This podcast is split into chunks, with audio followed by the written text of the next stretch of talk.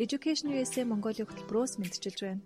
Бид энэхүү цуглал подкастаараа дамжуулан Америкийн нэгдсэн улсад дэлхий тэргуулах боловсрол эзэмшээд их орондоо иргэн ирж мэрэгжлэр салбар салбартаа манлайлан ажиллаж буй Монгол залуусын түүхийг хүргэж байхаар зорилоо. Та бүхэн бидний бэлтгэсэн ярилцлагуудыг 7 хоног бүрийн даваа гаргуудад хүлээн авч сонсоорой.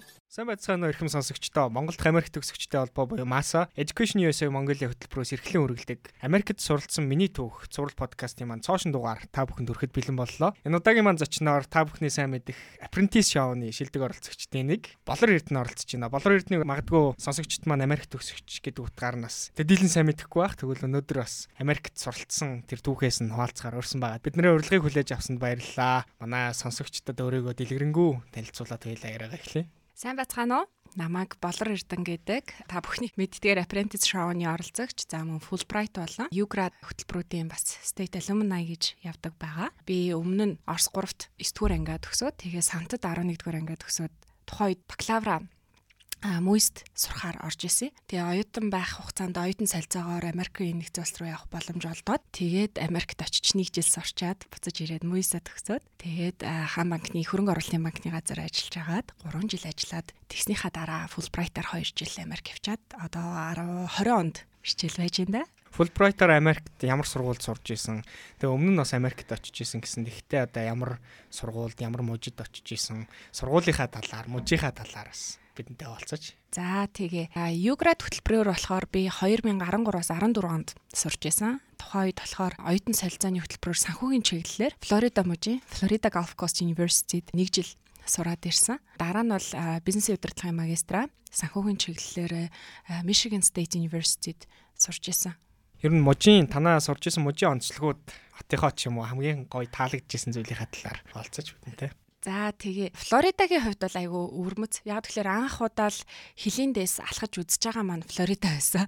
Ерөөсөө Монголоос ч гарч үзээгүй дөнгөж хортой нөхөр таваар ш ерөөсөө анх удаа Монголоос явахдаа Флоридад буусан. Тэгэл Флоридад буухтаа би ч одоо ингээл нөгөө нэг Америкч амар гоё өндөр том том нүсэр өндөр өндөр барилгуудаар нь сандаг. Гэтэл Флоридад буугаал яваад очисон чи ингээд нэг юм амар халуун уур амьсгалтай. Ерөөсөө онгоцноос буугаал за нэг агаар амьсгалаа гэж гараал очисон чи ерөөсөө ингээл пүк гэд нэг юм халуун дулаан юм ийм чиглэг уур амьсгал гэл хучаал авсан. Тэгээд тэр ерөөсөө санаанаас гардаггүй. Тэгээд орой буусан байсныг ч хэлэхөө өглөө нь сургууль руугаа алхаал явжсэн чинь нэг юм матарны эмблемтэй юм нэг юм анхааруулга байна гайхаал ямар учиртай бол доо гэл дахиад очиод харсан чинь нөгөө матерных нь эмблемнийхэн доор Флорида мужийн одоо байгалийн онгон дагшин байдлыг одоо сашгүй нэг хэсэг нь угаасаа матер. Тэгэхээр матрыг ямар нэгэн байдлаар хүн хооллоод эхлэхээр матер өөрөө ингээ хүнд хүнээс айхаа болчдөг. Тийм учраас мужийн хуулиар матрик хооллохыг хориглоно гэд э, бичсэн байсан. Тэгэд Монголоос очиж байгаа хүний хувьд матар ингээд зүгээр сургууль дээр кампус дээр явж явах боломжтой гэдгийг сонсох бас айцтай ч юм шиг нөгөө төгөр ингээд өөрөөрөө хоолчвол бас мууж хойлоор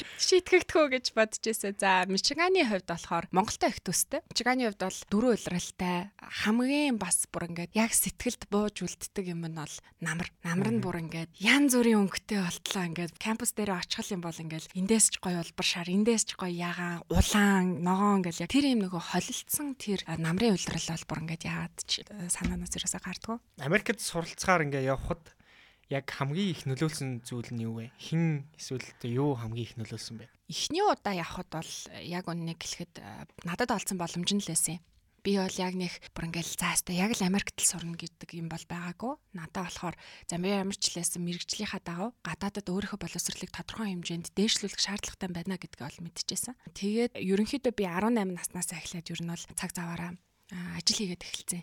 Тэгээ 18 тадаа би анх хааны эрэлт Pacific Angel гээд инхийг сахиулах үйл ажиллагааны чиглэлээр ерөөсөө орчуулга хийгээ явцсан.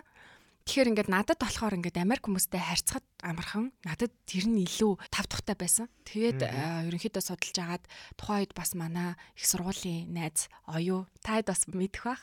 Оюу масагаар орж исэн санагдчих чинь Кембрижийн их сургуульд бас давхар сурсан. Аа тэгэхээр оюу маань надаа Юградыг анх санал болгож исэн. Оюу өөрөө Юградаар авчижсэн учраас тэгээд тэгвэл би чадах юм байна гэж бодоод Юградаар ерөнхийдөө бас сураад явцсан. Хоёр дахь удаага бол би Америкийг мэддэг байсан. Яг тэгэхээр би бакалавртаа тодорхой хэмжээнд оюутан солилцоогоор 1 жилийн хугацаанд Америкт сурцсан учраас надад бол үнэхээр очоод дараа нь ингээд нөө арай барьцаалтахгүй те мэдээч соёлын шокоор хэдэн удаа очисон ч гэсэн орно л та ялгаагүй. Гэхдээ өмнө нь мэдчихсэн учраас надад бол илүү амар байх байсан учраас магистртаа за эргээд Америкт явахад ямар ч асуудалгүй байна гэдэг тэр сэтгэлгээгээр Америк явчихсан. Хүмүүс Америкт сурна гэхээр нэлээ холын мөрөөдөл гэж шаарддаг шүү дээ. Одоо магадгүй манай подкастыг сонсож байгаа маш олон залуучууд, хүүхдүүд, сурагчид ер нь Америк бол бүр амар холын мөрөөдөл гэж бодож байгаа. А гэтэл одоо яг Америкийн засгийн газрын хоёр хөтөлбөр болох Global Eurograd Fulbright-ыг авсан хүний үүднээс хэлэхэд одоо тэр залуучуудад юу гэж хэлэх вэ? Тэгээд яг тухайн одоо Америк руу явах хүртэлх зам ямар байсан бэ? Ямар нэгэн саад бэрхшээл байсан уу? Тэр талаасаа бидэнтэй олцооч. Угаасаа нөгөө том мөрөөд гэдэг штэ тий. Том мөрөөд хэрвээ үнэхээр гадагшаа явж сурнаа гэд тэгж байгаа бол өөрийгөө бити хайрцаглаарай. Хүмүүс бол за ингээд би ч чадахгүй бах та. За энэ ч худлаа та ингээд нөө ямар ч юм бодтой зориг тавьж чадахгүй болоод эхлэхээр хүн өөрөө өөрийгөө хойшин татаад өөрөө өөрийгөө хайрцаглаад эхэлдэг. Тэгэхээр бити тэгэрэ гэж хүсэх байна. Тэгэхээр нөгөөтэйгүр ямар нэгэн байдлаар сурахыг хүсэж байгаа бол зүгээр л энгийн судалгаанаас эхэл зүгээр л Google Map-аар орол та тий Harvard-ийн бизнесийн сургууль эсвэл Harvard-ийн кампусаар Google Map-аар аялах гад үзэлтэй боломж байдаг бол байж болно шүү дээ тий. Манай яг Harvard-ыг бол би бол харж үзээгүй байна. А Michigan State-ийг жишээ нь Google Map руу оруулаад Street View руу н орж агаад за энэ их сургууль чинь нэг иймэрхүү юм байна да гадна талаасаа харагдахад уул нь их л гоё юм байна да. Гэл ингээл яг ингээл харж болдог те. Тэгэхээр ингээд өөрөө өөрийгөө сэдрээж, өөрөө өөрийгөө өдөөж, өөрөө өөртөө урам өгөх тэр жижигхэн зүйлсээсээ их. Тэгээд тодорхой хэмжээнд уншиж судлаад яваад эхлэхээр нэг тийм холын мөрөөдөл шиг санагдгаа болчдгийг. Би чадах юм байна да Өө би болчих юм байна да. Ялангуяа ингээл явж исэн өмнө нь явж исэн хүмүүсээс нэлээд сайн туршлах асуудал. Зарим хүмүүс бол одоо ер нь бол э, state alumni хийжсэн хүмүүс бол дийлэнх нь учлаараа би өөрөөс чинь нэг зөвлөгөө авах гэсэн нэг надаа нэг 30 минут цаг зав гаргаад өгөөч гэл тэгэхэд бол тэр багийн за ажилтай л ушвал үгүй гэж хэлэх хүн байдгүй юм дөө өөрийнхөө цаг завыг боломжоо гаргаад за тгийхөө ингээл нэг цагаа гаргачихъя гэл ингээл ярилцаал суудаг. Тэгэхээр тэр хүмүүсийнхаа туршлагаас маш сайн судал. Тэгээд ингээд нөгөө тэр туршлага ингээ боддоор хүн хийцэн харагдаад эхлэнгүүт за за энэ хүний хийч чадж байгаа юмыг би бас хийч чадна штэ гэж боддог. Тэгэхээр тэрэн рүүгээ айгуу сайн тэмүүлээрэ. Миний хувьд болохоор Юградч тэр Fulbright ч тэр аль нэгээр нь тэнцэхэд хизээч зам нь дартан байгаагүй маш хүнд байсан. Юу нь хамгийн хүнд байсан бэ гэхлээр сэтгэл зүйн хувьд бэлтгэлтэй байх нь хамгийн хүнд байсан. Мэдээч ингээл за Английнхаа IELTS TOEFL ч юм уу те бэлдэх. За тэгээд MBA сурахад бол GMAT-д бэлдэх энэ төр бол яг байх л ёстой зүйл. Угаасаа тэр чинь хүн болгоны давж туулах гарах ёстой зүйл. Сэтгэл зүгээрээ тэр болгоны ард хүлээлттэй байгаа те тэрэнд ингээд нөгөө нэг бол хит хөөрөө даахгүй нэг бол хит доошо буугаад даахгүй ингээд нэг юм тодорхой зорилгоо тавьчаад тэрэндээ бууж өгөхгүй тэмүүлэлтэйгээр урт хугацаанд ингэж байх гэдэг бол өөрөө айгүй хүнд байсан. Бусдаар бол хүний хийж чаддаг юмнууд ахгүй юу. Бусдаа одоо тэр англи хэл сурах эсвэл шалгалтанд бэлдэх хүнтэй ярилцлаганд орох те тэр бол угаасаа л ингээд тодорхой хэмжээнд туршлага хуримтлуулад тодорхой хэмжээнд өөрийгөө ингээд сайжруулад байх тусам тэрнийг сайжруулж болдог тийм л процесс гэж боддөө штэ. За Америк руу сурахаар явах гэж байгаа хүмүүсийн хамгийн том нэг асуудал байдаг. Тэр нь сургалтын төлбөрөөр санхүүжүүлэх байдаг те. А таны хувьд бол Америкийн засгийн газрын 200% тэтгэлгийг авсан. Ер нь энэ тэтгэлэгт хөтөлбөрт яагаад материал өгөх болов? Энэ талаас бас бид нартай хуваалцаач. Манай аавч хоёр ер нь л нөө төрийн албан агчдал гэж хэлж болно л доо. Одоо надад бол тийм одоо яг тийм манай аав ээж төлбөрийн манд аагаад явуулчих боломж бол тодорхой хэмжээнд бол байгаагүй. Гэхдээ манай аав хоёрын юу бэлдэж өгсөн замнал нь юу байсан бэ гэхээр багд нь суур одоо тий боловсрал суур хүмүүжлийн сайн тавиад өгчээ. Цаашаа энэ хүүхэд өөрөө өөрийгөө сориод өөрөө өөрийгөө аваа явах боломж нь нээлттэй байг гэд. Тийм учраас ер нь бол Орос 3 санд гэсэн бас нэлээд төлбөртэй сургуулиудад намайг сургаж исэн. Тэрнийхээ хүчээр ерөнхийдөө тодорхой хэмжээнд өөрөө өөрийгөө сориод өөртөө чаленж тавиад сурцсан байсан. Тэгэхээр миний хувьд бол анх юградыг болохоор өөртөө айгүй том сорилт тавьж орсон юм.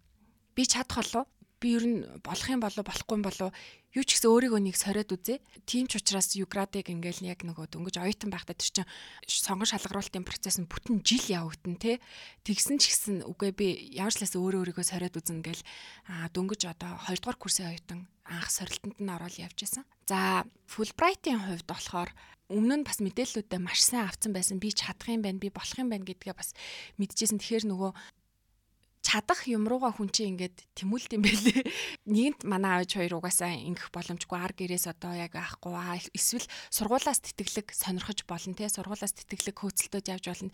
Тэр процесс ч гэсэн өөрөө айгуу тийм бас айгуу сорилттой шүү дээ те.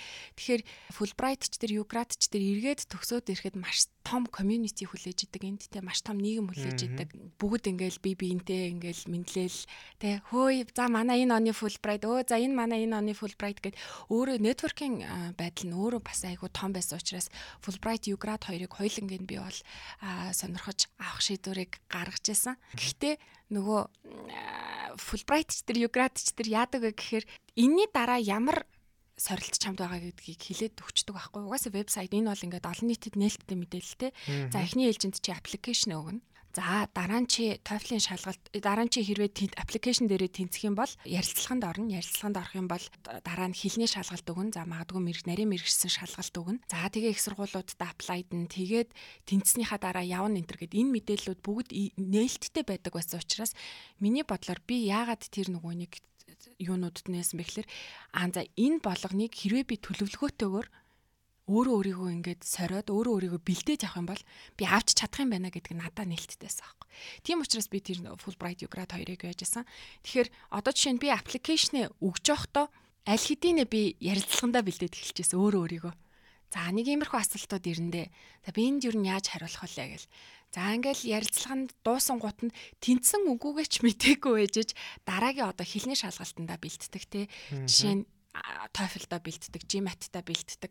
Үрээ ингэж явж исэн учраас тодорхой хэмжээнд яг одоо болж байгаа процесстоо тодорхой хэмжээнд ач холбогдол өгөх ч гэсэн бүр тэгж амар концентрейт хийхгүйгээр те ингэж анхаарлаа бүр ингэж ганцхан юм дээр төвлөрүүлэхгүйгээр дараа дараагийн алхмуудад өөрийгөө бэлдэж явж байсан учраас бас амжилттайгаар авч чадсан болов уу гэж боддог. Хүмүүс магадгүй манай подкастыг анх сонсож байгаа хүмүүс Global Ugrad, Fulbright гэж ямар хөтөлбөрүүдийн талаар яриад байна гэж бас гайхчихж магадгүй. Тэгэхээр Global Ugrad нь ямар хөтөлбөрийн Fulbright-ноос ямар хөтөлбөр байдгийг гэдэг талаар нэг товчхон мэдээлэл өгчий. Тэгээд цааш нь дэлгэрүүлээд манай сонсогчд маань манай өмнөх өмнөх подкастуудыг бас сонсоод үзэл зөндөө дэлгэрэнгүй мэдээлэлүүд өгсөн байгаа. Тэгээд энэ талаар хоёулаа бас нэг тавчгаа мэдээлэл өгчий энэ дугаараар. Юград гэдэг маань бол бакалаврын бакалавртаа сурж байгаа оюутныг Америкт оюутан солилцоогоор явуулдаг хөтөлбөр байгаа. Намайг явж байхад бол 2 семестрээр юм уу нэг семестрээр явж болдог байсан. Одоо миний ойлгож байгаагаар бол зөвхөн нэг семестрээр сурах боломжтой болсон. За Fulbright-ийн хувьд болохоор магистрийн зэрэгээ хамгаалахыг хүсэж байгаа залуучуудыг Америкт 100% бүрэн тэтгэлэгтэйгээр явуулдаг. За тэгтээ явуулахдаа одоо бас мэдээж л зүгээр шууд ингээл явуулчихгүй шүү дээ тий. Тодорхой хэмжээнд ингээл бэлтгээл яг ингээд бүх нөгөө хангамж бүх одоо яг чамд яг юу тулгарах вэ гэдэгт чинь туслаад тодорхой хэмжээнд бол тусалдаг гэж боддог. Тэг ингээд туслаад тэгээд явуулдаг хөтөлбөр байгаа. А Fulbright-ийн хувьд болохоор Fulbright ч тэр Ugrad ч тэр аль аль нь ямар давуу талтай вэ гэхээр хэрвээ чи ярилцлагынхаа шатнаас гарчих юм бол чамд одоо TOEFL-ийнхаа шалгалтыг өгөх, а эсвэл GMAT-ийнхаа шалгалтыг өгөх тэр нөгөө нэг купоныг өгчдөг. Тэгэхээр цаанаас нь зардлын дагаад чи тэр шалгалтуудаа өгөх боломжтой болчдөг гэсэн үг. Тэгэхээр бүх хүмүүсийг яг ижил төвшөнд авчираад тавьчихж байгаа гэсэн үг чи мөнгөтэй ч вэ, мөнгөгүй ч вэ, эсвэл боломжтой ч вэ, боломжгүй ч вэ, чи бусдтай яг л ижлэх нөхцөл тавигдсан байгаа. Өөрөө өөрийгөө хэр сайн бэлдэж чадна, өөрөө өөрийгөө хэр сайн дайжилж чадна, тэрнийхээ хүрээнд л чи энэ тэтгэлгүүдийг авч чаднаа л гэсэн үг. Тэгээд дахиад нэг жоохон тодруулаад хэлэхэд одоо нөгөө сургууль эхэлж байгаа. Тийм учраас оюутнууд их орж ирж байна. Тэгээд оюутнуудын одоо 2 3 4 дугаар курсын оюутнууд. За ирээд яг нэг семестр сурах ёстой гэсэн тийм шалгуурыг хангаж байгаа бол та хэд маань Global Ugrad хөтөлбөрт материал илгээж болно шүү. Тэгээ энэ жил дахиад зарлагдана удахгүй бас зарлагдах бах. За Fulbright хөтөлбөрийн тухайд бол магистрийн төвшөнд бас Америкийн засгийн газрын 100% тэтгэлэгтэй юм хөтөлбөр байгаа. Тэгээд энийг бол дэлгэрэнгүй вебсайтаас нь ч юм уу манай өмнөх өмнөх подкастуудаас мэдээллийн авчих байхаа гэж бодоод бит хоёр энэ удаад анги орхилоо. Хоёулаа яг Global Ugrad хөтөлбөрөөс эхлээд Global Ugrad хөтөлбөрт одоо оролцож явах үеийн хамгийн сайхан дурсамжууд, хэцүү сорилттой үе тэр дурсамжуудаас нь асуулцъя. Тэгээд хамгийн анх Америкт одоо Global Geography хөтөлбөрөөр очисон гэж хэлсэн. Анхны сэтгэл ямар байсан? Мэдээж нөгөө очоод бол хамгийн чухал ажил нь бол чи юмаа сурах ёстой тий. Хичээлээ сайн хийгээл хичээлээсээ чи одоо юу авч сурч болох тэр бүх юмаа л сурах ёстой. А гэхдээ хизээч тэнд нэтворкинг юм уу? Тэнд байгаа соёлд суралцах тэр тэр болгоныг ингээд үлдээчих болохгүй л те. Тэндээс ч гэсэн ингээд зүгээр гудамжинд явж байхдаа дөрөв настай хүүхэд ээжтэй хаалга онгоолгож өгж байгаа. Тэр соёлыг ч гэсэн хүн ингээд өөрөө сураал авч яадаг. Тэгэхээр Флоридад анх очих үеийн хамгийн тод дурсамж гэвэл яхаа аргагүй тэр матартай дурсамж. Оны төгсгөлд явахынхаа өмнөхөнтэй нэг том матар ингээд бүр ингээд зам хаагаад хоёр талын машин хоёлаа ямар явах боломжгүй болоод тэр яг матраа бол амлаар нас кампус дээр харж исэн байгаа. Бас нэг мартагддггүй дурсамж нь болохоор Global Geographer явхад бусад орны ирсэн оюутнуудтай воркшопт оролцдог. Leadership-ийн воркшопт оролцдог. Тэгээд миний хувьд болохоор Латин Америкийн орнуудын оюутнуудтай цог воркшопт оролцохоор очсон. Тэгээд тэн дээр нь ингээд тодорхой хэмжээнд Монголынхаа одоо сурталчлах тийм Монголынхаа соёл урлагийг сурталчлах, Монголынхаа бас тий түүх дурсгалыг сурталчлах тийм нэг даалгавар ирсэн л дээ. Тэгэд би тэрнийг нь явхаасаа өмнө мэдчихсэн. За нэг очиход яамшлаас нэг э, урлагийн юм нэхэндээ гэдэг. Тэгээ тэр үед ч одоо залууч байж гэдэг шиг. Тэгээ дөнгөж нөгөө бакалаврын оюутан учраас ерөөсө тийм юмнаас иччихгүй. Тэгээд явхаасаа өмнө ингээд амар гоё Монгол бүжгийн дээл хийлгээл би чинь зөв. Амар мондог яг Монгол бүжгийнх нь готл мотлыг хийлгэж байгаа л. Тэгээл нэг бүр ингээл явхаасаа өмнө штэ Монгол. Монголоос яваагүй байхдаа л хэвээр Монгол бүжиг сурч мураал хамаг ай маяа компьютертаа авч авч маавал Тэгээд очсноос нэг бараг 5 6 сарын дараа тэр воркшоп нь болсон мэдээж тэр чинь хоолтойгоо хойлоод идчихлгүй яхав тэр бүжгээ тэгээд явхаасаа өмнө дахиад нөгөө нэг воркшоптой явхаасаа өмнө 7 өдрийн өмнө бас л нөгөө бүжиг мүжгээ бэлдээл яваал очсон чинь Латин Америкийн орнуудын оюутнууд болохоор мангар олон байсан. Зөндөө олон Латин Америкийн орны оюутнууд ороод ирсэн. Би ганцаархнаа тэнд Аа зав байхгүй юу? Ерөөсөө Монгол ганцаархнаа тэнд ээжс. Тэгэл за одоо яварсаасаа нэр хүндийн аваад гарах юм шүү гэж бодоол ээжсэн. Латин Америкийн орны оюутнууд болохоор нөгөө бүлэг болчихж байгаа учраас тэр хэдэд ингээд бөөндөө нийтэд нь хийх тийм шаардлага гарч байгаа байхгүй. Тэгээ байжсэн чинь маргааш нь бүжгээ бүжиглэн гэж бодож исэн чинь Латин Америкийн орны оюутнууд. Өө за өнөөдөр нэг 2 цаг бэлтжэл хэдүүлээ нэг маргааш тавьчиндаа гэж яасан. Маргааш нь Латин Америкийн орнуудын оюутнууд ерөөсөө ингээл бүр амар мондөг урлагийн үзүүлбэр үзүүлэл тэнд чи зүгээр концерт тоглол угаасаа ингээд цуснд нь байгаа байхгүй те бүжгэлдэг те бүжгэлдэг урлагийн тэр нөгөө мэдрэмж нь цуснд нь байгаа учраас тэр бол ингээл сап гэл амар гой концерт тоглолчихжсэн те би Монголоос бэлдэж аваагүй байсан бол угаасаа. Саацартай нахлаа. Тийм тэр бусад орны сурагчдтай воркшопт оролцдог тэр хэсэг бол айгүй гоё. Тэгэд яг Fulbright ч ба Yogurt ч ба яг төгснөхийн дараа ер нь дэлхийн иргэн тойронд яг Fulbright alumni Global Ugrad alumni гэдгээр бас бие бинтэйгээ нэлээд тийм networking-гоо өргөсгдөг. Одоо дэлхийн эргэн тойронд байгаа залуу лидерүүдтэй найз нөхдөд болдог. Тэр нь хамгийн гоё. Тэгээд гадаад явж байхдаа ч гэсэн одоо Fulbright alumni юм уу гэд бие бинтэйгээ танилцж байгаа. Эсвэл одоо Ugrad alumni байсан юм уу гэд бие бинтэйгээ танилцж байгаа.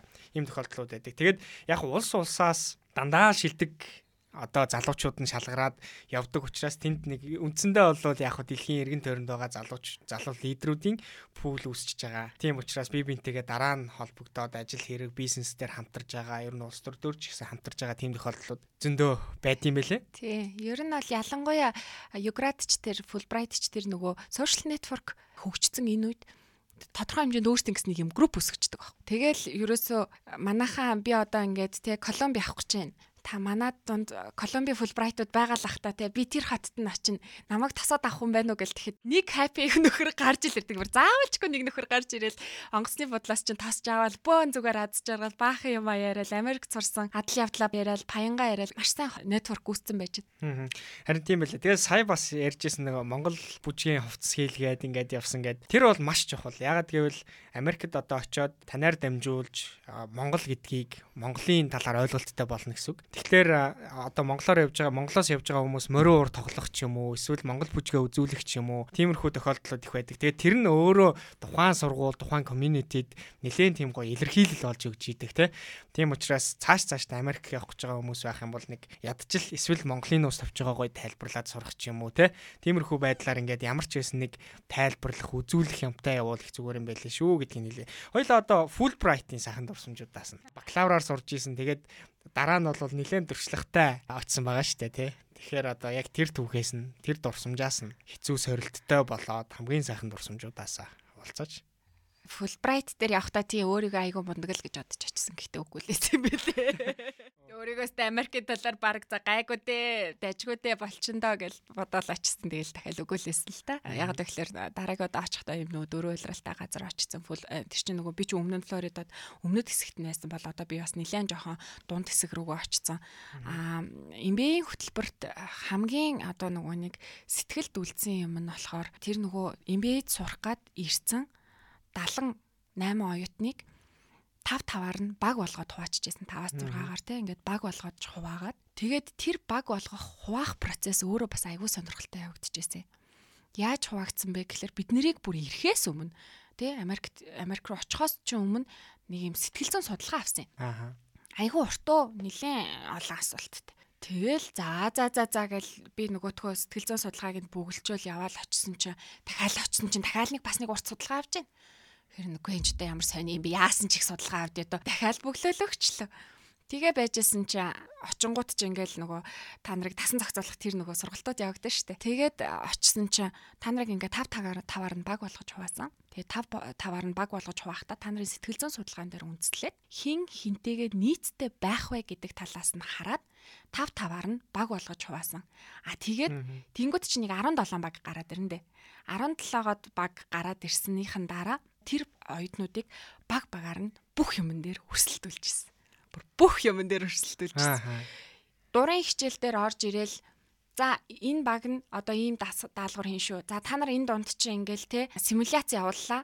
Симуляц нь болсон чинь Фордын юм уу асуул одоо чи Мичиган ч нөгөө машин зардгаараа айгүй алдартай машин юм уу жоохгүй юу? GM-ийн том headquarters нь байдаг, Ford-ийнх нь байдаг. Тэгэхээр ингээд нөгөө өөрөө тийм нөгөө машины тийм сонирхолтой хүмүүс нь амар олон болсон учраас та яг одоо симуляцаар машин заруулнаа гэл.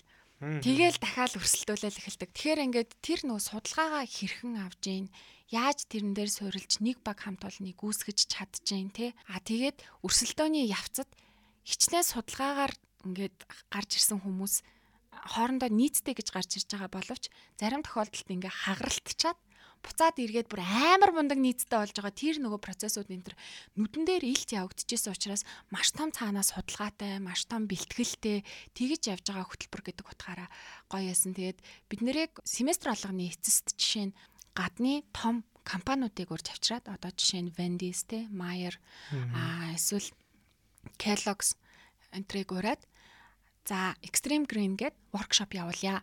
Та хэд энэ хүмүүст бодит амьдралын бизнесийн асуудлыг шийдэж өгөх хэвээр шин бүтээгдэхүүн гаргаж өгдөг юм уу те? Шин бүтээгдэхүүний санаа олж өгдөг юм уу?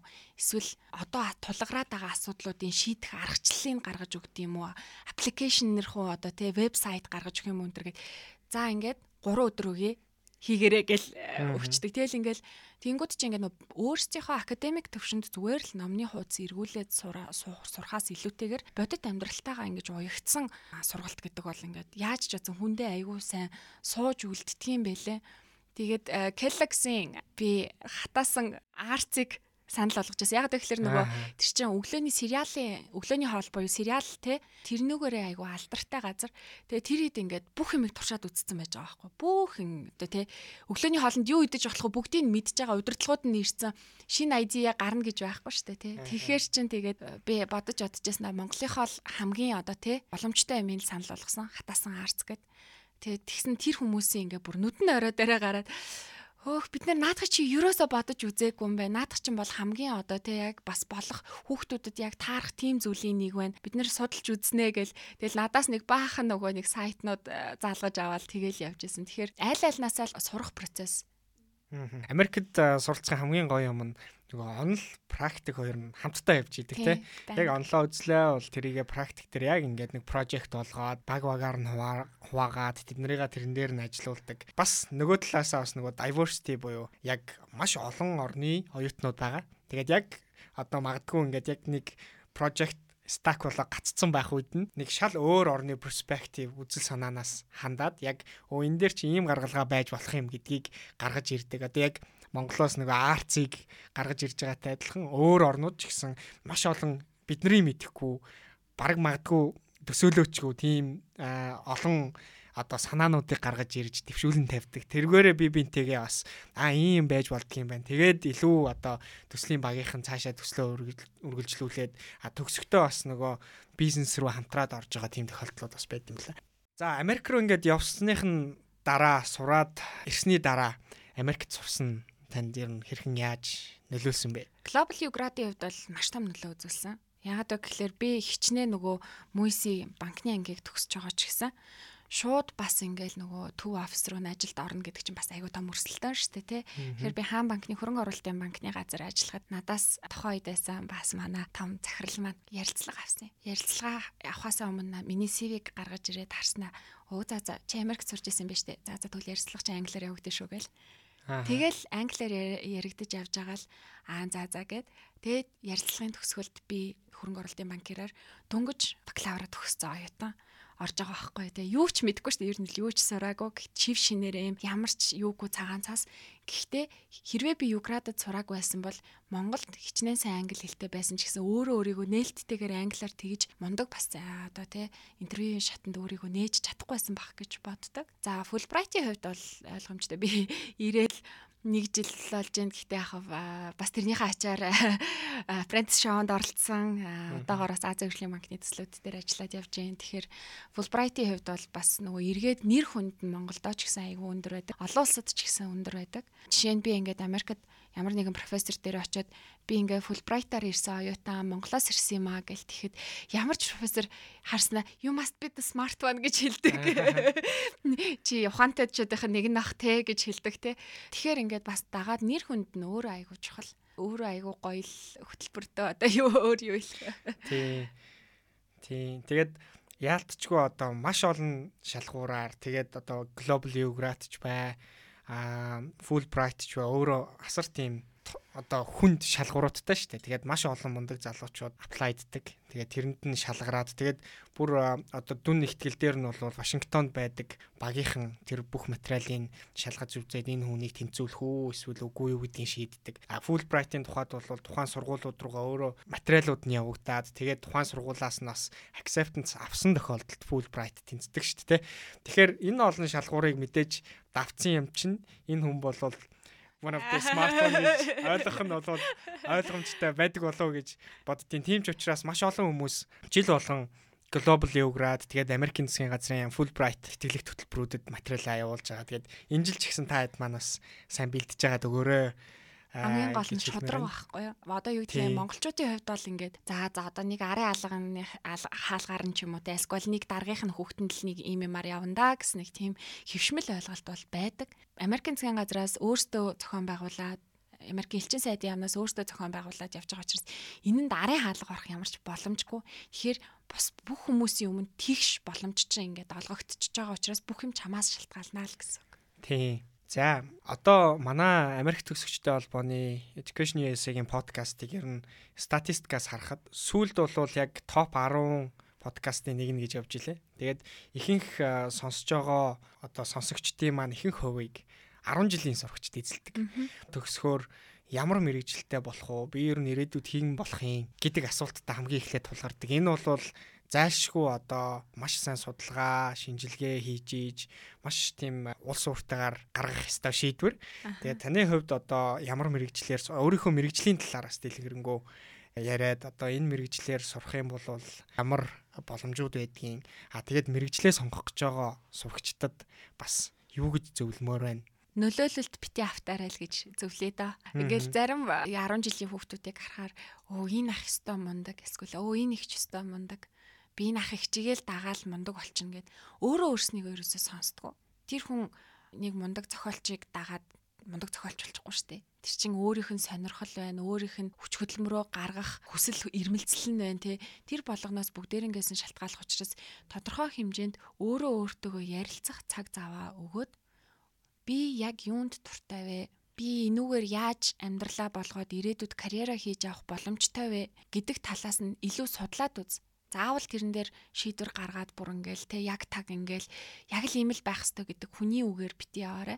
Өөрөө өөрийнхөө яг сонирхлоо дагаад явбал амжилтанд хүрэх боломж магадлал чинь илүү өндөр. Миний хувьд бас айгүй инээдэмтэй төөхөө. За ямар ч лайсан санхүү эдийн засаг ч юм уу те ер нь бол ийм санхүүтэй холбоотой эдийн засагтай холбоотой ер нь бизнестэй холбоотой тийм л салбарын хүн болно гэдгээ 9 дугаар ангиа төгсөхдөө мэдсэн байсан.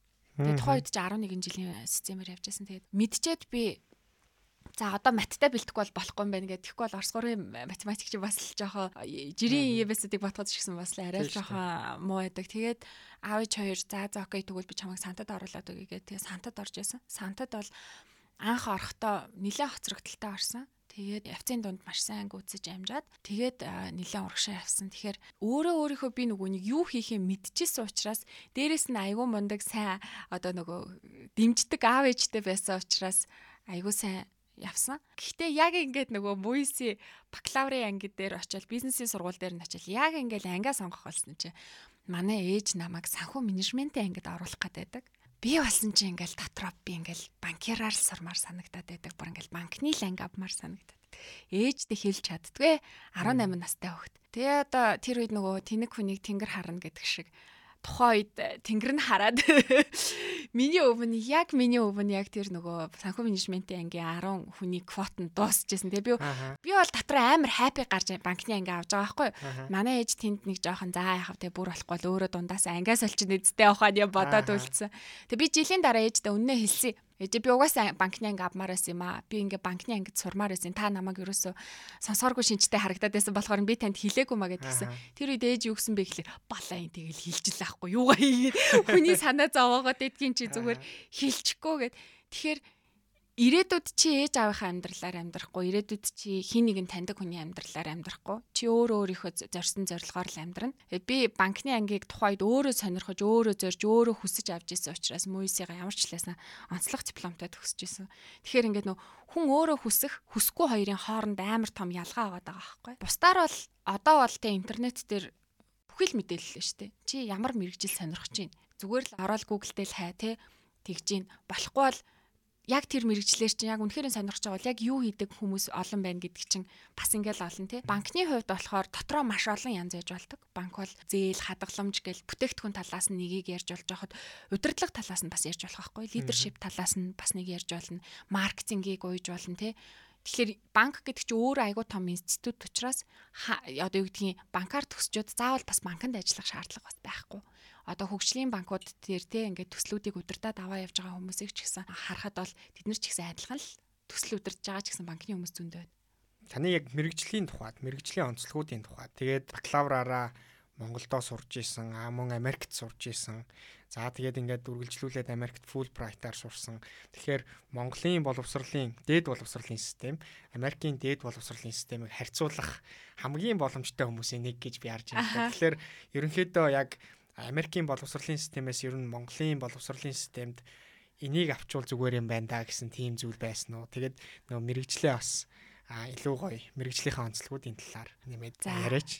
Америкийн боловсрлоос авчаасаа гэж бодсон юм нь практиктэй уйдаг тэр системийг наашаа нэвтрүүлээд оруулаад ирээсэй гэж бодсон. Яагаад гэвэл бид нар онлыг номноос бол зөндөөл сурна тий зөндөөл их юм байна. Яг бодит амьдрал дээр гараад тэрнийгээ яаж хийх вэ, яаж биелүүлэх вэ гэдэг чинь айгүй чухал. Тэгэхээр ялангуяа тэр нөгөө симуляц хийдэг аргачлал оюутнуудыг зүгээр ингээд дадлаг хийгээд орхичихгүй та нар ингээд өөртөө дадлага хийгэрэй гэдээ орхичихгүй. Тодорхой хэмжээнд дадлага хийсэн бол за яг юу сурсан бэ? Чи энийг ингэж болох байсан штэ. Тэгж болох байсан штэ гэдэг фидбек өгдөг те ингээд а тодорхой хэмжээнд шүүмжилж чаддаг тэр нөгөө системийг оруулаасаа гэж айгу хүсдэг. Бас нэг юм үгүй явахтай одоо л нөгөө нэг сурсан хүнийх нь л юу ах. Оюутнуудыг ингээд нөгөө шалгалт авахт нь хуулуулдгүү те.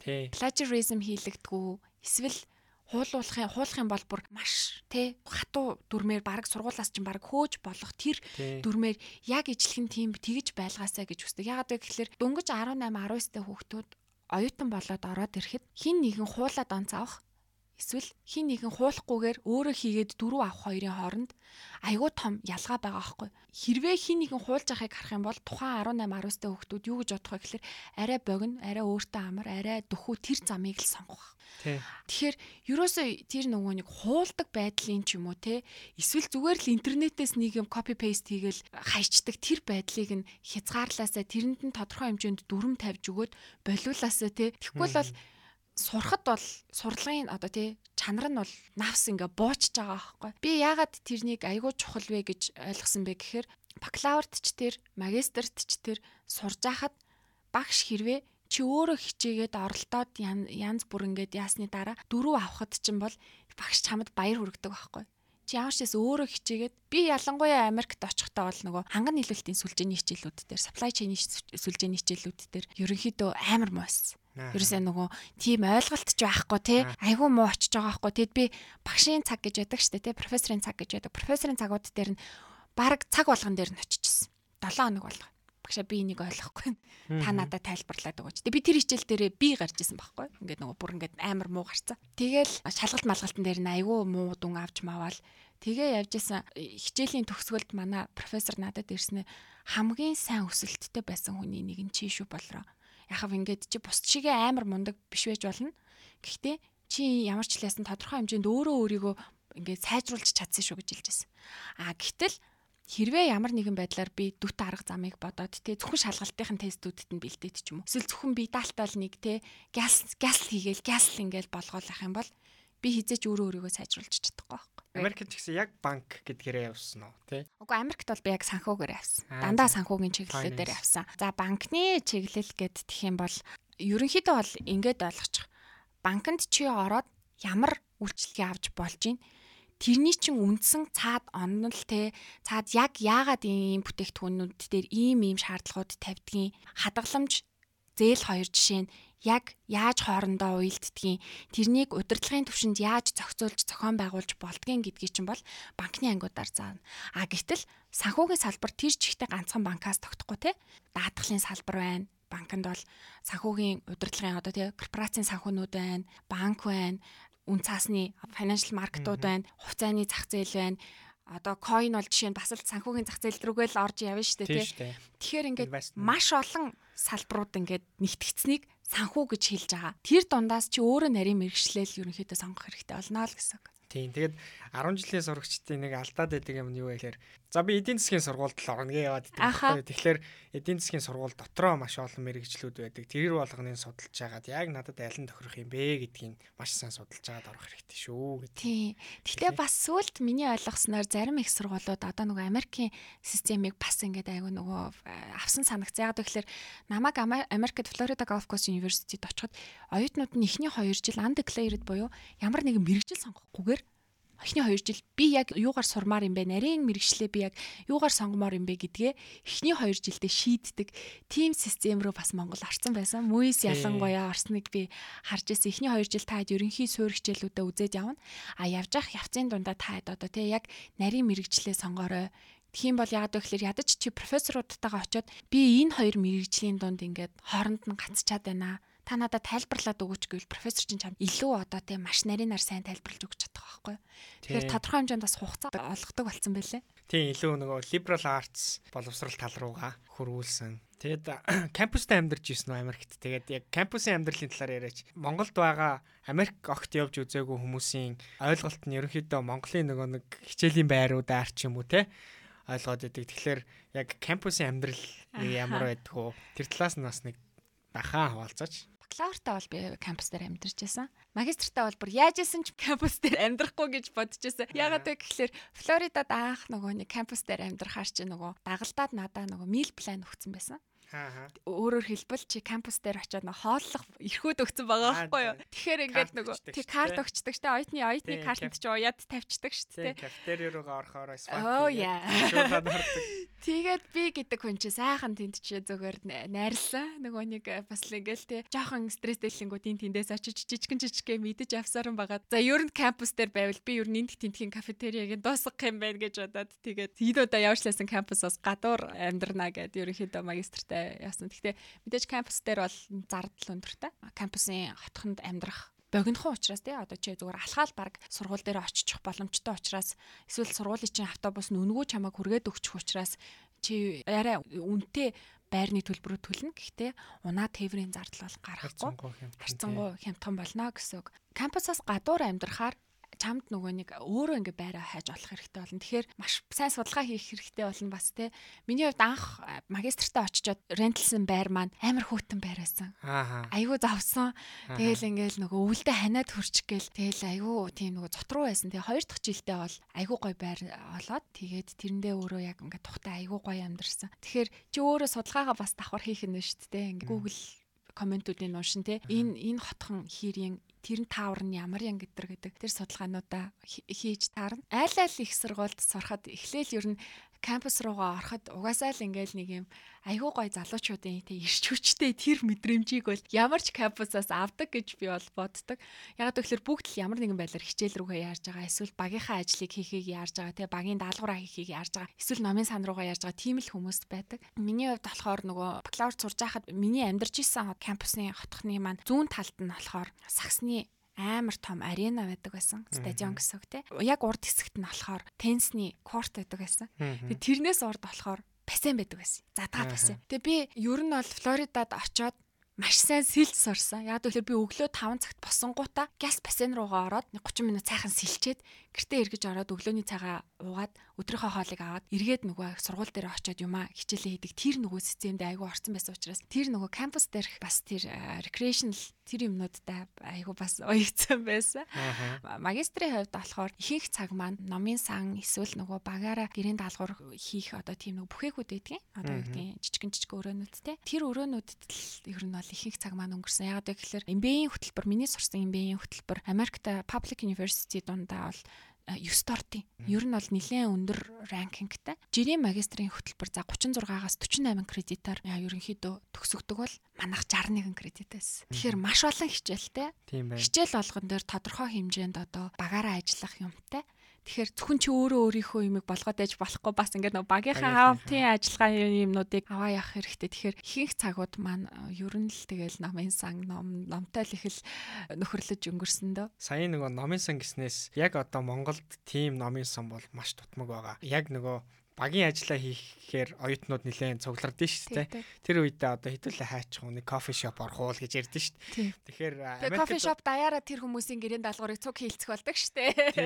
Тэгэхээр чи одоо Монголд тиймэрхүү байдлаар номын сангууд ажиллах зүгээр юм бэлээ. Тэ? Тийм. Тэр чинь ингээл цаг аваал те. За би энэс энэ цаг тийм бүгэлчдэг. Тэнгүүд чинь тодорхой хэмжээнд бас өөрсөндөө нөгөө нэг цаг гаргачих чаахгүй. За бид нар энийг 2 цагийн дотор л амжуулах хэрэгтэй. Тийм газ амжуулах хэрэгтэй. Тэгэхээр ерөөсөө ингэж нөгөө сул цаг гардаггүй. Кофе шопт ч юм бол тэгэл кофе мофе кейк мейк эргүүлсээр байтал тэгэл дуусчдаг шүү дээ. Тий. За хоёлаа англи хэл сурсан түүхээс нь хуваалцсан манай сонсогчдод. Ер нь англи хэлийг яаж сурж байв? Сурахад хэр хүнд байв? Тэгээд сурах гэж байгаа англи хэл сурж байгаа хүмүүст бас юу гэж зөвлөгөө өгмөр вэ? За эхлээд би яаж сурсан түүхээ яриа. Би маш их шоолуулдаг байсан одоо үннийг л хэлээ. Ягаад вэ гэхэлэр би нөгөө нэг э, хэл сурахтаа хүн хэрглэж ич сурдаг гэдгийг маш сайн мэдчихсэн. Тэгээ би алдаатай ч хамаагүй яг нөгөө англиар ярьдаг найзуудтайгаа заавал англиар ярих гэж хичээжсэн. Тэгэхээр ингээл одоо жишээ нь мүйс дээр нэг баачка зүгээр л тий англиар яриад нэг юм маягтай ч мэддэхгүй яагаад байгаа ч мэддэхгүй нэг нөхөр ингээл англиар яриад яваад байсан байгаа байхгүй. Тэгэхээр мэдээж нөгөө эргэн тойрны хүмүүс чинь энэ нэг маягтай яах гэж ингэж маягладаг байна гэж боддог. Тэгж их айгүй их шоололдог байсан. Тэгээд эцсийн үр дүндээ ер нь бол хөлийг хэрглэж ижил сурдаг. Айгүй олон үг цээжилж болно. Болж гин, мундаг байна, сайн байна. Дүрмээ маш сайн мэддэг байж болж гин. Окей, сайн байна. Хүнийг сонсоод ойлгодог байж болж гин Оо за маш сайн байна. Гэхдээ эргээд тэрнийгээ чи ярьж чаддаг байх хэвээр өөрийгөө илэрхийлж чаддаг байх хэвээр маш сайн бичдэг байх хэвээр гэдэг чинь яг эргээд хэрэглээл болдог. Монголчуудын хувьд бол бичих талтаа бол ерөнхийдөө ямар ч асуудалгүй байгаад байдгийн анзаараад тахад яг гэхээр нөгөө өөрөө өөртөө тулаад ажиллаад маш сайн олон удаа бичээд үзсэн хүмүүс чинь эсээ бичгтээ одоо гэдгийг бас харцангуй барьер нь бага байдгийн ярианы тал дээр манайд өөрөө өөрснийгөө илэрхийлэх тал дээр ялангуяа англи дээр бол нэлээд бас нөгөө сорилттой тулгардаг. Тодорхой хэмжээнд яаж ээж агаад цугтаа хэрглэж чадах хүнийг л бол. Яагаад вэ гэхээр ингээл явцын донд угаасаа л айгүй хүмүүс шоолно л да угаасаа шоолно. Энийг маягтай юм гин за эсвэл энэ энэ үгээ буруу хэлчлээ гин эсвэл ингэж яриад тахта яах вэ гин те. Гэхдээ чи тэр алдаа болгоноос л суралцаал өөрөө өөрийгөө сайжруулаад аваа явна. А алдахгүйгээр хэл сорно гэдэг чинь бас бараг боломжгүй шүү дээ те. Бити яагаараа бити ичээрээ чи угаасаа унган хэлчин биш учраас төрлөх хэлчин биш учраас англи хэлийг сурья гэх юм бол алдна. Тэгэхээр тэрнийг хүлээн зөвшөөрөөд тэрнээсээ суралцаад улам өөрийгөө айгуу сайн дайжлаад сайжраад тэгээд яваарай. Хилэн дээр бас нэг чухал юм нь бол нэг өдөр 100 үг цээжилчээд маргааш өдөр нь юу ч цээжлэхгүй байгаад ингээд нөгөө зоригтой хүрч чинь гэж бити ойлгоорой. Хилийг яаж сурдаг вэ гэхэлэр ихтгий хий, баг битгий хий. Өдөр болгон хийгээд нөгөө нэг күнзийн үг гэдэг шүү дээ. Тэрүүгээр сурдаг. Өдөр болгол өдөр тутамдаа л нэг чадвал 10 үг те. За чадахгүй бол ядаж нэг 5 үг. Тэгэл ингээл нэг баг багаар баг багаар тархиндаа оруулаад ах хэрэгтэй. Тэгэхгүй бол хүний тархины хэмжээ яадаг вэ гэхэлэр нэг дор хитрхи их информац ямар нэгэн мэдээлэл хүлээж авах юм бол тэрнээс тодорхой хувийг нь л авч үлдэнэ гэхээс биш бүгдийн нэг дор шингээх ямарч боломжгүй байхгүй. Ямар компьютер байгаа шүү дээ тий. Тэгэхээр байнга тогтмол тэрнийгээ хийж аваарай л гэж зөвлөндөө. Тийм бид нартай бас нөгөө Масагийн хөдөө орон нутгийн аутричээр явж байхад манай Монголын бас томоохон корпорациудын захирал сант явжсэн. Тэгээд сурагчдад тандаад хэлжсэн байхгүй. За одоо би та хэдэд нэг юм хэлье. Тэр нь та хэд одоо ингээд 10 жилээ төгслөө. Тэр чинь сайхан мэдээ. А гэхдээ нөгөө мэдээ нь болохоор хүн насан туршидаа суралцдаг. гэжсэн. Тэгэхээр хэлж гисэн ялгаагүй насан туршдаа л ер нь байнга сайжруулж ивэл таны англи хэл улмал сайжраад байна. А тэр хэмжээгээрээ нөгөө гарц гаргалгаанууд боломжууд нь бас нэгдээд эхэлдэг. Тэгээд саяын тэр нөгөө ичиж болохгүй гэдэг зөвлөгөө үнэхээр маш чухал зөвлөгөө. Сүүлийн үед яг хуу нөгөө нэг сошиал медиа гарснаас хойш маш тийм хүчтэй одоо буруу ойлголтууд яваад байна. Жишээ нь одоо зарим нэг одоо инфлюенс хийж байгаа хүмүүсийг хараад тэр хүмүүсийн амьдралыг ерөөсөө ийм л юм байна гэд зөвхөн гой талаас нь хараад идэг. Нөгөө хүмүүс нь ч гэсэн өөрийнхөө хамгийн гой талыг харуулад идэг. А гэтэл яг тэр болгоны ард уналт, босолт, алдаа, оноо бүх юмнууд нь бас байдаг гэдгийг манай сонсогчд ялангуяа манай 10 жилийн халах сургуулийн сурагчид маань сайн ойлгож явах хэрэгтэй шүү. Тэгээд юмд нөгөө critical thinking гэж ярьдаг. Монголоор бол шүүмжлэлтэй гэж яриад байгаа. Аливаа анализ хийсэн, дүгнэлт хийсэн. Тэгээд аль аль талаас нь харсан, олон өнцгөөс нь харсан тийм дүгнэлтүүдийг юмд хийж явах хэрэгтэй. Тэгээд а нөгөө ад үзэгдэх зөрөгтэй бай. Тэ? Ад үзэгдэх бол уншсан байна. Тэр болвол маш чухал. Ягаад гэвэл одоо хүмүүс ингэчүүл яах бол тэгчүүл яах бол би одоо энэ үгийг ингэ хэлчүүл яах бол гэсэн айцтай. Тэгээд заз ер нь боли хүмүүст одоо ингээд жад үзэгдэж яхаар ер нь ингээд зогсъё зогсож байгаа тохиолдлууд их байна. Тийм байгаа бол англи хэлээзээ сурч чадахгүй шүү. Ер нь ямар ч хэлийг сурч чадахгүй. Тийм учраас ад үзэгдэх зоригтой байгаарэ. Ялангуяа тийм Монголд л амар л энэ үгээ ингэж хэллээ, тэр үгээ тэгэж хэллээ гэдэг болохоос биш. Яг ясан мэн дээр Америкт жишээ нь би ингээл нөгөө нэг үгийг буруу хэлчих юм бол манай найзууд хизээч намайг застдаггүй. Ягаад вэ гэхэлэр За ямарчлаас өөрийнхөө илэрхийлж чинь те энэ хүн явандаа угаасаа сурчин намайг хэлэх юм бол одоо намайг энэ үгийг одоо те ярианыхаа явцын донд зүгээр л ингээл э, хавчуур болоод хэлчих юм бол энэ хүн сурчин.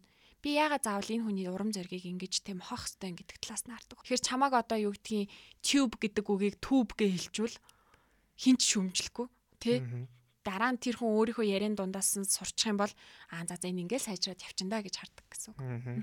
Манай подкастын бас нэг хүн болгоноос асуудаг нэг асуулт байгаа. Тэгээд манай Америк төгсөгчдийн холбоо МАСА ийм бүхий л үйл ажиллагаа хөгжлийн бэрхшээлтэй хүмүүст ээлттэй байх тал дээр бүхий л чадлаараа да ажилдаг. А энэ подкаст ч гэсэн сүүлд нь тохионы орчуулагтайгаар YouTube тавигдана. Тэгэхээр ер нь танаа сургууль хоёр сургуульд сурсан Америкт. Тэгээд тэр хоёр сургууль нь хөгжлийн бэрхшээлтэй хүмүүст суралцахад хэр ээлтэй байсан бэ? За хэдүүлээ гадна орчингоос эхлэе. Тэ одоо яг ингээд орж гарахад хэрэг хүндийн гэдгээс нь эхэл. Анх Америкт очичоод нэг юм гарцаар гарах гэсэн чинь ингээд коноп байгаад байдаг байхгүй юу? Хүмүүс ирчээл зарим нь дарж байгаа л харагдахын, зарим нь дарахдахгүй байгаа л харагдахын. Тэгэл дарсан чинь тэр конопны яасан бэ гэхлээр ингээд нөө сигнал өгдөг. Дийд дийд дийд гэл тэгээ нөө улаан асгаал эхлэх юм бол дийд дийд дийд дийд гэл ингээд аяга хурдан юу өгдөг те. Тэгэл харчаад би одоо энэ одоо яад юм бол гэд тэгсэн чинь хараагүй иргэдэд зориулсан. Одоо тэгш боломжийг хангаж энэ бол зүгээр ингээд зүгээр л ингээл явган гарцсан дээр тэр бол ингээд кампуст даяарвал тэр чихтэй байж байдаг айл чих сургууль дээр ер нь Америкийн гудамжинд ч гэсэн зарим тохиолдлууд бол байж байгаа харагддаг. Юу бол одоо ингээд нөгөө орох гарахад явган үний нөгөө нэг хашлага гэдэг чинь тийм хашлага яг гарцсан дээр очиод бүгд ингээд доошоо ордог. Тэ? Тэгээд ингээд тэр хүн тэрэгцэртэй яваад дээгүүр нь явхад ямар ч яасан нөгөө шууд зам руугаа орчихгүй ингээд бэржгэр хэсэгтэй. Тэр хэсэг дээр очиж зогсоод цаашаага ингээд замаа гараад явчих боломжтой. Сургууль руугаа орох гингүүд сургуулийн чи үүдэн дээр handicap person гэдэг нөгөө нэг юугэн дээр коноп байж байгаа. Тэр конопн дээр дарангууд хаалгач ингээд автоматар онгочдөг. Тэгэхээр одоо тэрэгцэртэй иргэн ямар ч асуудалгүйгээр тийшээ орж болдог. Айл айл их сургууль нь юм байсан. Айл айл нь л ер нь боломжийн тэгш хүртэхийг хичээдэг аль болох тэрний төлөө зорддог тийм сургуулиуд байсан. Тэгэхээр надад тэр нь айгу таалагдсан баг. Гэтэ би хизээч энэ хүмүүс юу нь яаж хичээлээ хийд юм бол гэж бодог. Ерөөс ойлгохгүй байхгүй.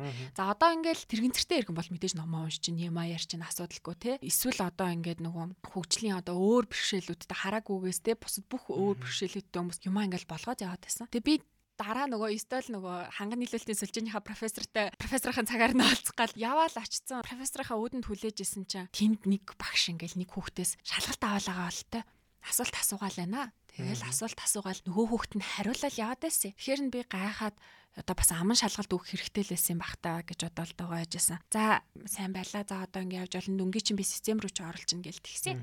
Тэгээ ингээд хүлээгээд яжсэн чинь цаанаас хараагүй иргэн гарч ирчихсэн хараагүй. Өөрөөр хэлбэл тэр профессор бусадтай яг ижлэхэн хэмжүүр хизээч тавихгүй байгаа байхгүй. Орж ирээд хэрвээ чи хичээлээ те сонсоод профессороосоо маш сайн сонсоод судлаад сурцсан бол чамаас эргүүлээд хараагүй хүнээс одоо жишээ нь цаасар шалгалт авах гэдэг чинь утгагүй үстэй тий. Тэгж дүгнэж хүнийг болохгүй дээ. Тэнгүүд профессорынхаа цаг дээр дуудаж авчирч агаад за би чамаас шалгалтыг чинь амаар авъя гэд авсан байгаа. Тэгээ би дараа нь анзаарсан. Ямар ч шалгалт болсон шалгалт болохын өмнө профессороос ирдэг имэйл донд шалгалт өгөхөд ямар нэгэн байдлаар нэмэлт хэрэгцээ шаардлага танд байдаг бол надад урьдчилж мэдэгдэнэ үү гэдэг тийм өгүүлбэр доорно байдаг. Өөрөөр хэлбэл хэрвээ би одоо хараагүй иргэн байх юм бол надад тусгай одоо тэ байдлаар шалгалт өгөх шаардлага гарах юм бол тэрнийгээ би профессортой хэлээл тэгэл өгчнө гэсэн. Тэгэхээр тэр боломж нь бас айгүй гой санагдсан. Тэгээд тэр нөгөө нэг номнуудыг бол яг нөгөө их сургууль дээр бол яг тэгэж нөгөө хараагүй иргэдэд зориулсан одоо номнуудыг бол би харж байгаагүй. Гэхдээ яг нөгөө амьдарч исэн хотынхоо public library гэж яддаг шүү дээ. Олон нийтэд нээлттэй номын сангуудад манай номнууд ерөнхийдөө ингээд нөгөө хараагүй иргэдэд зориулсан байсан. Тэгээд тэр бас айгүй гой санагдчихсан. Тэгэхээр боломж бол нээлттэй, боломж байгаа. За баярлалаа. Бит хоёрын подкаст ерөнхийдөө өндөрлөх нэлээд өгч чинь. Тэгээд Америкт сурах хүсэл мөрөөдөлтэй залуус ямар зөвлөгөө өгөх вэ? Тууштай байгаарай. Угаасаа процесс өөрөө дандаа ингээд маслын дээр гулгаж байгаа юм шиг нэг тийм сайхан те ингээд шулуун дардан байна гэж бараг байхгүй. Тодорхой хэмжээнд байнгын э, сорилтуудтай тулгарна. Дээрээс нь сэтгэл зүйн хувьд ч гэсэн дээшээ доошоо болсон амар хит баярлах үе гарч ирнэ.